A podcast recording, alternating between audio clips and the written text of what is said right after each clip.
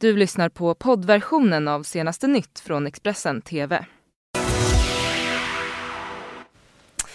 God morgon och välkomna till senaste nytt med mig Karin Bülow Och med mig Fredrik Lenander. Så här är rubrikerna för den här nyhetssändningen. Automateld mot flera bostäder i Nacka utanför Stockholm. Två personer förda till sjukhus. Ett enormt återuppbyggande väntar på Bahamas efter orkanen Dorians framfart. Och Norge-rysare i EM-kvalet igår. Matchen slutade 1-1 efter underläge för Sverige.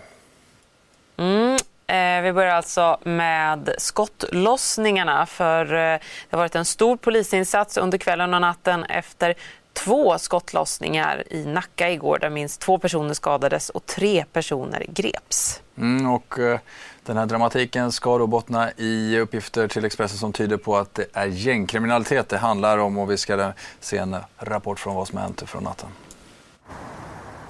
En massiv polisinsats har pågått efter två skottlossningar i Nacka. Minst två personer har skadats och ett antal personer har plockats in för förhör. Polisen söker efter en Audi som misstänks ha kopplingar till skotten. Händelserna kan kopplas till den senaste tidens gängskjutningar. Det första larmet nådde polisen tre minuter före klockan 21 på söndagskvällen och enligt uppgift handlade det om automateld mot en balkong i ett flerfamiljshus. Minst en av personerna fördes till sjukhus med ambulanshelikopter. Tre lägenheter ska ha träffats av skott. Strax efter den första skottlossningen inträffade ytterligare en skottlossning vid en taxi vid Nacka Forum. Gärningsmän från den första skottlossningen misstänks ha försökt fly med taxin och då skottskadades ytterligare en person. Personerna är välkända för polisen och har koppling till den senaste tidens gängskjutningar i Stockholm. Mm, och ännu har ingen gripits för själva skottlossningarna. De tre personer som togs in till förhör som ni hörde om här i inslaget har nu släppts. Enligt polisen så ska de ha utsatts för skotten snarare än att ha avlossat dem. Mm, vi fortsätter till eh, Japan och Eh, väderrapporteringen där. Vi har ju hört talas om en storm som är på gång. Nu har den här tyfonen Faxai dragit in över mångmiljonstaden Tokyo och det handlar om mycket kraftiga vindar och piskande regn.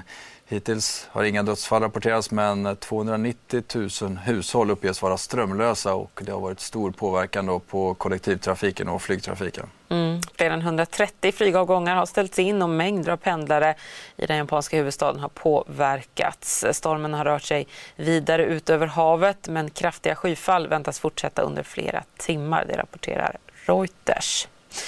Och parallellt med det här i Bahamas pågår ett eh, stort arbete för att att eh, eh, för återuppbyggnad helt enkelt efter orkanen Dorian eh, som total förstörde stora delar av önationen. Mm, organisationen World Central Kitchens är på plats här. De är där för att dela ut mat till överlevande som nu inte längre har någon möjlighet att försörja sig. För även om de här kraftiga stormvindarna har dragit förbi så är förödelsen ju enorm och tusentals hem har förstörts.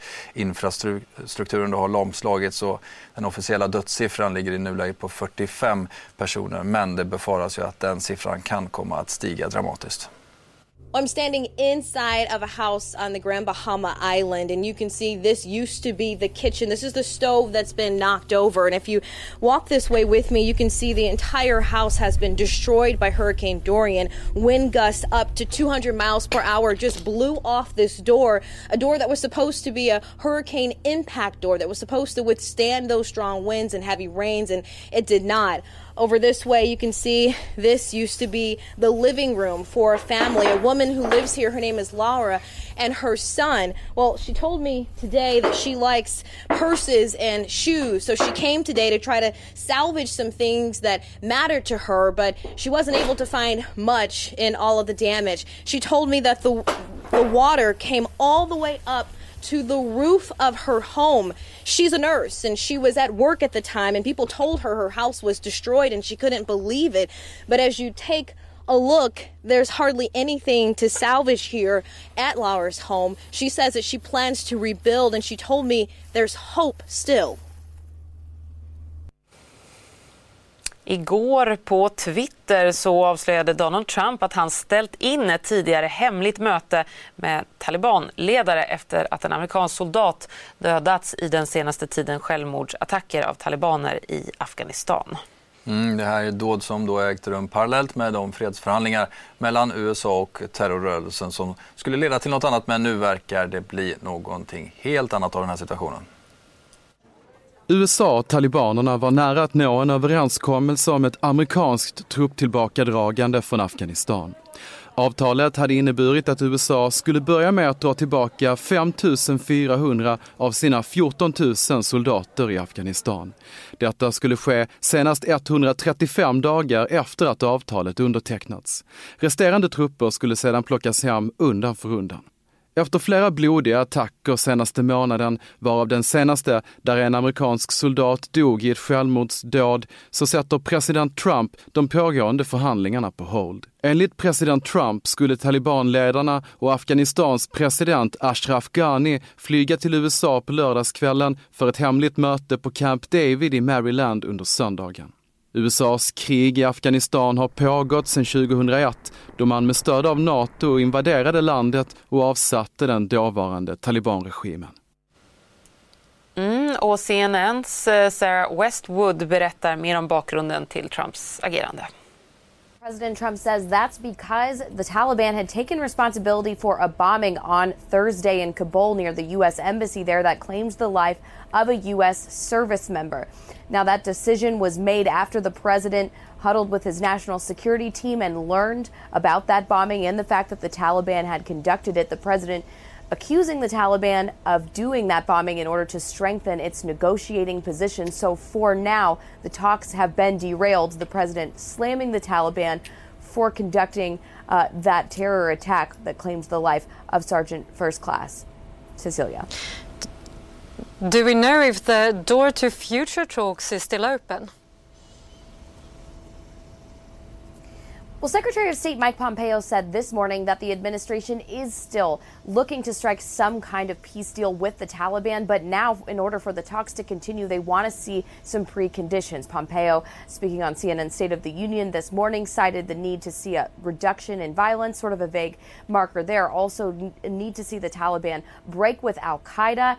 And so that there will be more that is asked of the Taliban before another meeting can be scheduled. And even though the president is facing some criticism for inviting the Taliban on U.S. soil, sources tell CNN that the administration is still looking at new dates for possible future talks with Afghan leaders and with interlocutors uh, with the Taliban, Cecilia. Sarah, how have the reactions been to that the meeting was set to be at Camp David and so close to the anniversary of 9 11? Well, President Trump has been facing some criticism, Cecilia, for inviting Taliban leaders to come onto U.S. soil, especially as you mentioned, given its proximity to the anniversary of 9 11. The president even facing some criticism from within his own party, a Republican congressman slamming the president. And comments that the president made on Twitter seven years ago in 2012 have resurfaced, in which President Trump criticized his predecessor, former President Barack Obama, for negotiating with the Taliban at that time. But Secretary of State Mike Pompeo defended the president's decision to invite the Taliban to the U.S., saying it was in service of U.S. national security interests because this would have or could have brought the administration one step closer to that elusive peace deal with the Taliban, which would have allowed the president to achieve his long term goal of bringing more American troops home from Afghanistan. Cecilia. Och ska vi ta oss till Sydafrika där antalet attacker mot migranter och mot butiksinnehavare bland annat då från andra afrika afrikanska länder de har ökat kraftigt under den senaste tiden. Allt började för två veckor sedan när en busschaufför i staden Pretoria då blev skjuten till döds efter att han då konfronterat några misstänkta knarklangare. Mm. Och anledningen till att det uppblossade våldet riktar sig just mot utlänningar är en föreställning i landet om att droghandeln bara utförs av dem, ett påstående som saknar förankring. Bilden av Sydafrika som setts som en källa till demokrati i regionen regionen är på väg att raseras när ekonomiska invandrare attackeras och mördas i landet. Polisen beskjuter misstänkta efter ännu ett plundringsrån mot en butiksinnehavare i Sydafrika. Senaste veckan har minst tio personer dödats i vad som räknas som xenofobiska attacker och våld i landets största städer Johannesburg och Pretoria. Veckan före det plundrades och brändes ett 50-tal butiker i södra Johannesburgs förorter Malvern och Japstown. Många av attackerna riktar sig mot afrikanska migranter från länder som Nigeria, Etiopien, Zambia och Kenya. No, for now I never take a decision. I'm just waiting if government can help from anywhere. If their government can help and say, okay, I'm helping you, even if it's a little amount, because I know that this is not the will of uh, maybe government or anybody. This is just masses. Men även om många migranter fruktar för sina liv och får sina butiker förstörda menar polischefen att det är ren kriminalitet som är orsaken till brotten. For me, it's pure criminality, people looting and all that, and using that as a xenophobia. But for now, there is nothing that has sparked uh, any form of this conflict between South Africans and the foreign nationals. So that, that we're dealing with criminality rather than xenophobia at the present moment. En del sydafrikaner menar att de afrikanska migranterna är orsaken till brottslighet, droger och importerade fejkade varor. Dessutom menar man att migranterna tar människors jobb och deras fruar.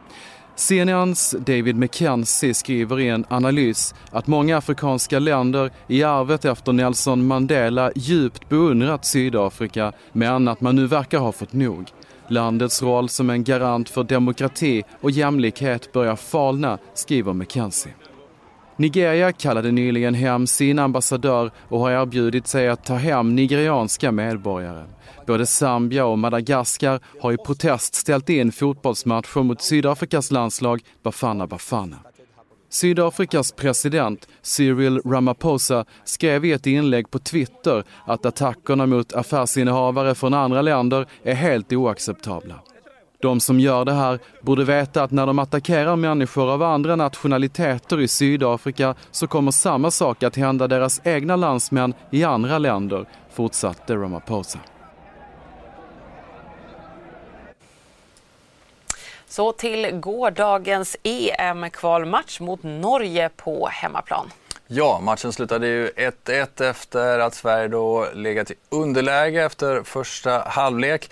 Men Emil Forsberg lyckades då kvittera efter ett vackert svenskt anfall. Men mer än så blev det ju inte för svensk del. Och eh, den här plockade poängen gör ju att Sverige ligger tvåa nu i EM-kvalgrupp F. Men det har ju dock gjort utgångsläget betydligt tuffare än den här förväntade kanske segern skulle ha gett oss. Så mm, tuffare för blågult framöver men ändå en poäng mot Norge. Mm. det där var nyheterna ifrån studion. det var vi strax tillbaka. Du har lyssnat på poddversionen av senaste nytt från Expressen TV. Till förordnad ansvarig utgivare är Klas Granström. Ny säsong av Robinson på TV4 Play. Hetta, storm, hunger. Det har hela tiden varit en kamp. Nu är det blod och tårar. Fan händer just det. det detta är inte okej. Okay. Robinson 2024, nu fucking kör vi.